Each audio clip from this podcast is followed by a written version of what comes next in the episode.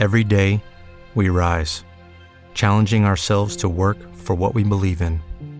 At U.S. Border Patrol, protecting our borders is more than a job, it's a calling. Agents answer the call, working together to keep our country and communities safe. If you're ready for a new mission, join U.S. Border Patrol and go beyond. Learn more at cbp.gov/careers.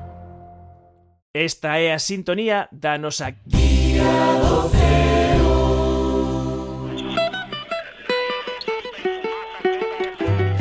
Irene Vaspino, moi bons días. Hola, bons días. E Martín Pauli, bons días. Moi bons días. Graças a Deus un passarinho. A nosa guía do CEO, que nesta edición efervescente, tórnase na nosa guía do CEO de todo o verán porque o verán é o tempo que temos mellor mellores condicións climatolóxicas para sair o ver o ceo nocturno, inda que as noites duran menos, e normalmente é cando temos maior disponibilidade para sair para fora. Ou se seguimos darvos un repasiño das cousas que se poden ver no ceo durante os o que nos queda de verán. Pois podemos comezar cun evento que temos así en plan efeméride non próximamente nestes mm, quedan xa poucos días. O máis top que diría o máis, algún. Sí, o máis top, polo menos así agora, non? Que é unha eh, eclipse parcial de lúa que teremos o, o 16 de, de xullo.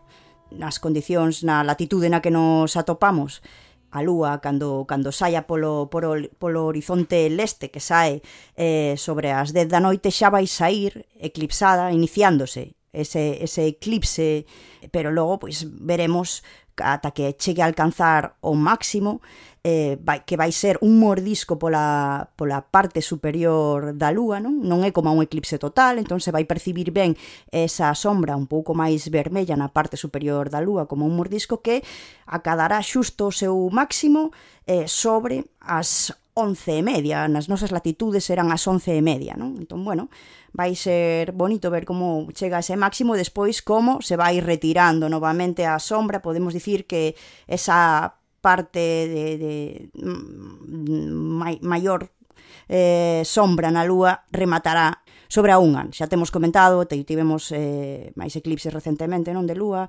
eh, aínda que non con moita sorte a nivel de climatoloxía aquí en Galicia, esperamos que teñamos máis sorte desta volta, non? E xa nas outras ocasións comentamos que hai unha fase de umbra, outra de penumbra, entón, bueno, a de umbra que, que, é a que mellor se pode observar rematará sobre a umbra, so, sobre a unha, perdón. A umbra, unha, bueno.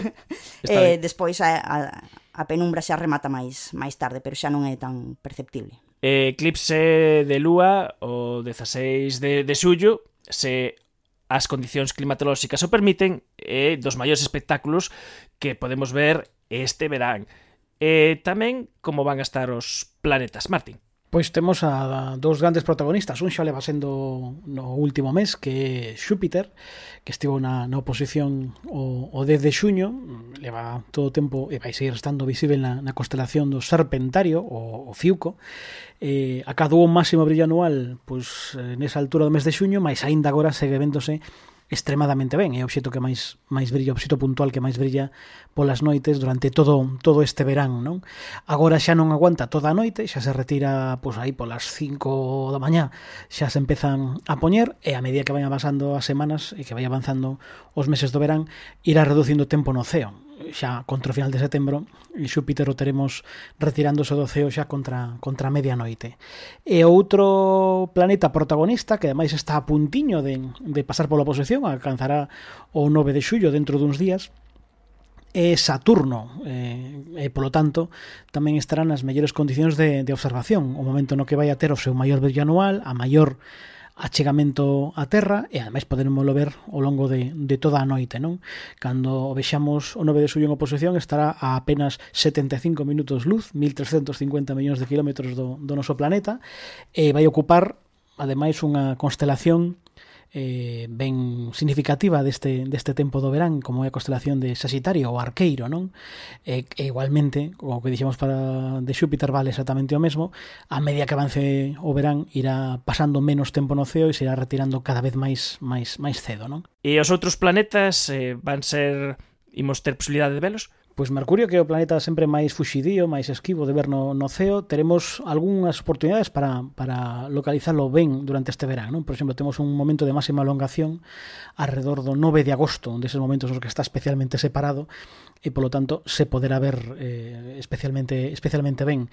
Eh, dos outros, pois eh, temos no que o mellor momento para, para velos. Venus estivo brillando moito no, no, polas mañás eh, durante todo este tempo, pero raramente ao longo do verán ímolo, estámoslo perdendo de vista, o 14 a mediados de, de agosto vai para deixar de ser visible, pasa pola Constitución Superior e ata que reapareza en setembro xa como Luciro Vespertino moi moi baixo no horizonte, co cal tamén vai ser difícil de ver, ímolo, ímolo ir perdendo. Mm, teremos unha pequena ventana aínda no, no comezo da mañá, insisto, ata que, ata que o deixemos de ver a mediados de agosto.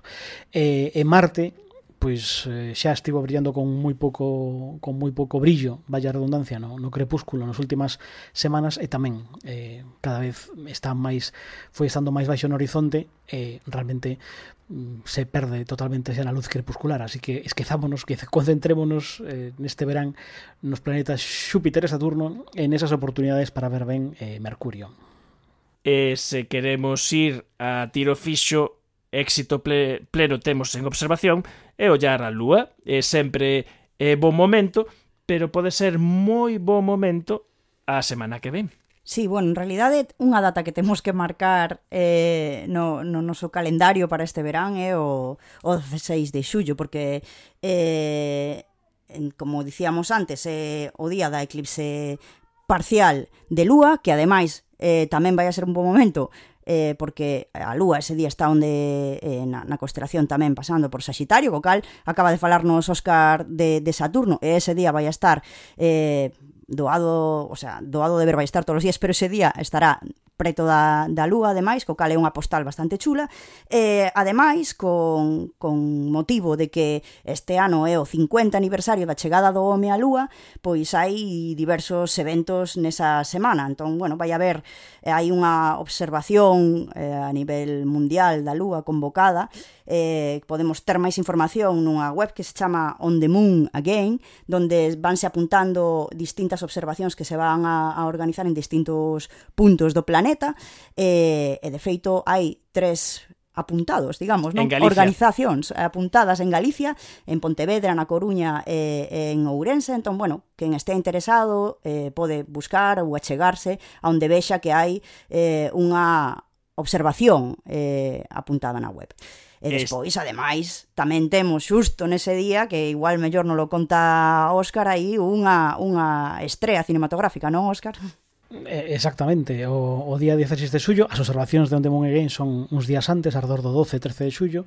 O 16, o día da eclipse lunar Estrease tamén en España En moitas salas de cinema. O documental Apolo 11 Un documental dirixido por Todd, eh, Todd Douglas Miller que recupera imaxes ata agora pois nunca vistas e nunca empregadas e, e rodadas ademais nun formato espectacular en formato de 70 milímetros o cal garantiza que son imaxes de enormísima calidade que poderemos ver en, na, na grande pantalla tamén en Galicia. O documental manexa todo ese material de arquivo deses anos para reconstruir o que foi a Odisea o da, da viaxe a Lúa con imaxes pues, do lanzamento do interior, por suposto, do, do módulo do módulo lunar, mas tamén pois todo o ambiente na NASA, como eran aquelas oficinas eh, neses anos 60 que tantas veces vimos a través do, do cinema, pois aquí veremos imaxes reais de como eran esas oficinas de traballo dos, dos das eh, profesionais da, da NASA e tamén do público, porque sabemos que o lanzamento do Apolo 11 eh, trouxo moitísima expectación en todo o planeta e tamén nos Estados Unidos onde hubo miles de persoas que se chegaron a ver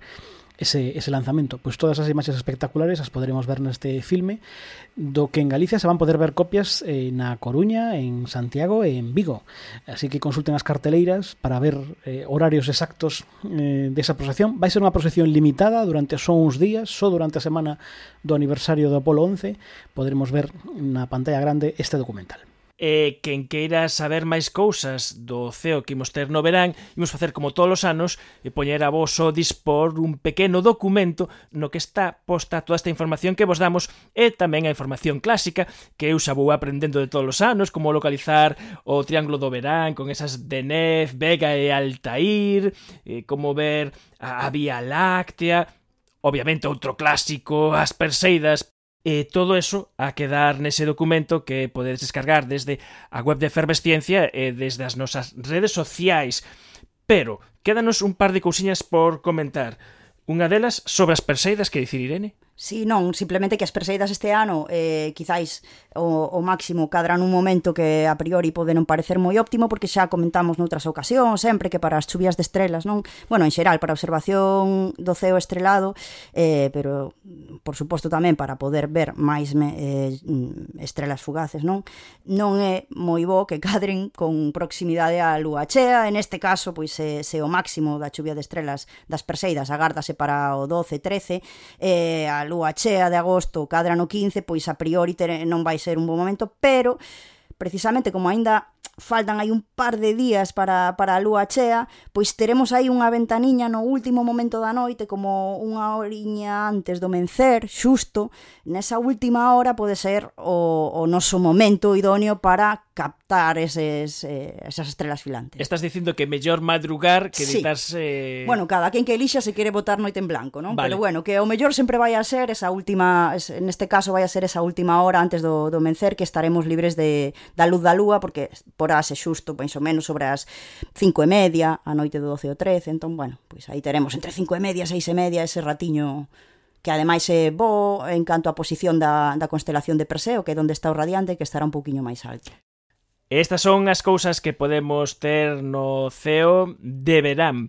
E antes de despedírmonos, temos que comentar unha novidade do mundo astronómico que ten que ver coa posibilidade de bautizar novos sistemas planetarios coa súa estrela pois unha iniciativa da, da IAU neste centenario eh, que repite algo que xa pasou hai uns anos. A convocatoria Name Exowells poñerlle nome a un, a un exomundo e a, e a estrela correspondente da que saiu hai uns anos esa estrela Cervantes coa mm, corte de planetas eh, vinculados a personaxes do Quixote, pois aí a IAU abre unha nova convocatoria e este ano mm, cambia un pouco as, as normas, porque o que fai é asignar a cada país, a cada nodo nacional da IAU, unha estrela co planeta ou planetas que lle corresponden a España eh, tócalle a estrela eh, HD 149143 eh, que forma parte do catálogo Henry Draper de, de estrelas na constelación do Serpentario e que ten asignado unha estrela pues, parecida ao noso Sol,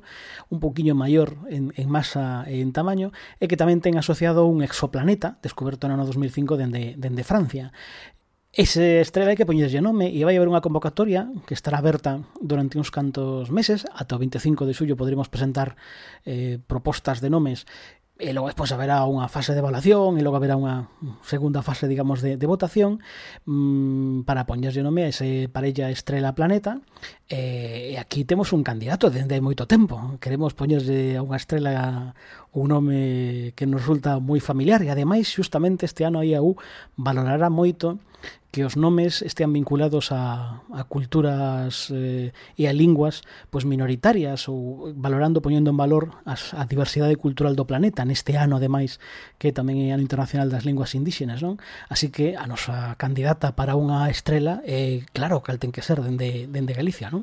Obviamente, aí está esperando que haxa no firmamento unha estrela chamada Rosalía de Castro. aí.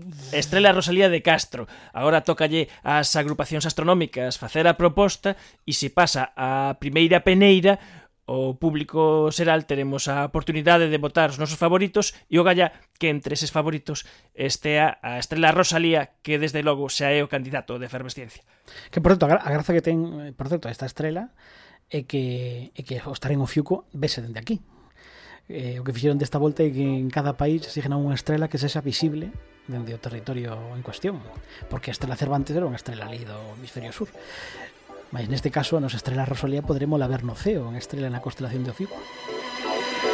I must have died and gone to heaven, cause it was quarter past 11 on a Saturday in 1999. E como sempre dicimos nesta sección, Sair polas noites para hallar o ceo nocturno é unha experiencia fantástica, sobre todo se a podes facer con amigos, con amigos como Martín Pauli, moi bons días. Moi bo día.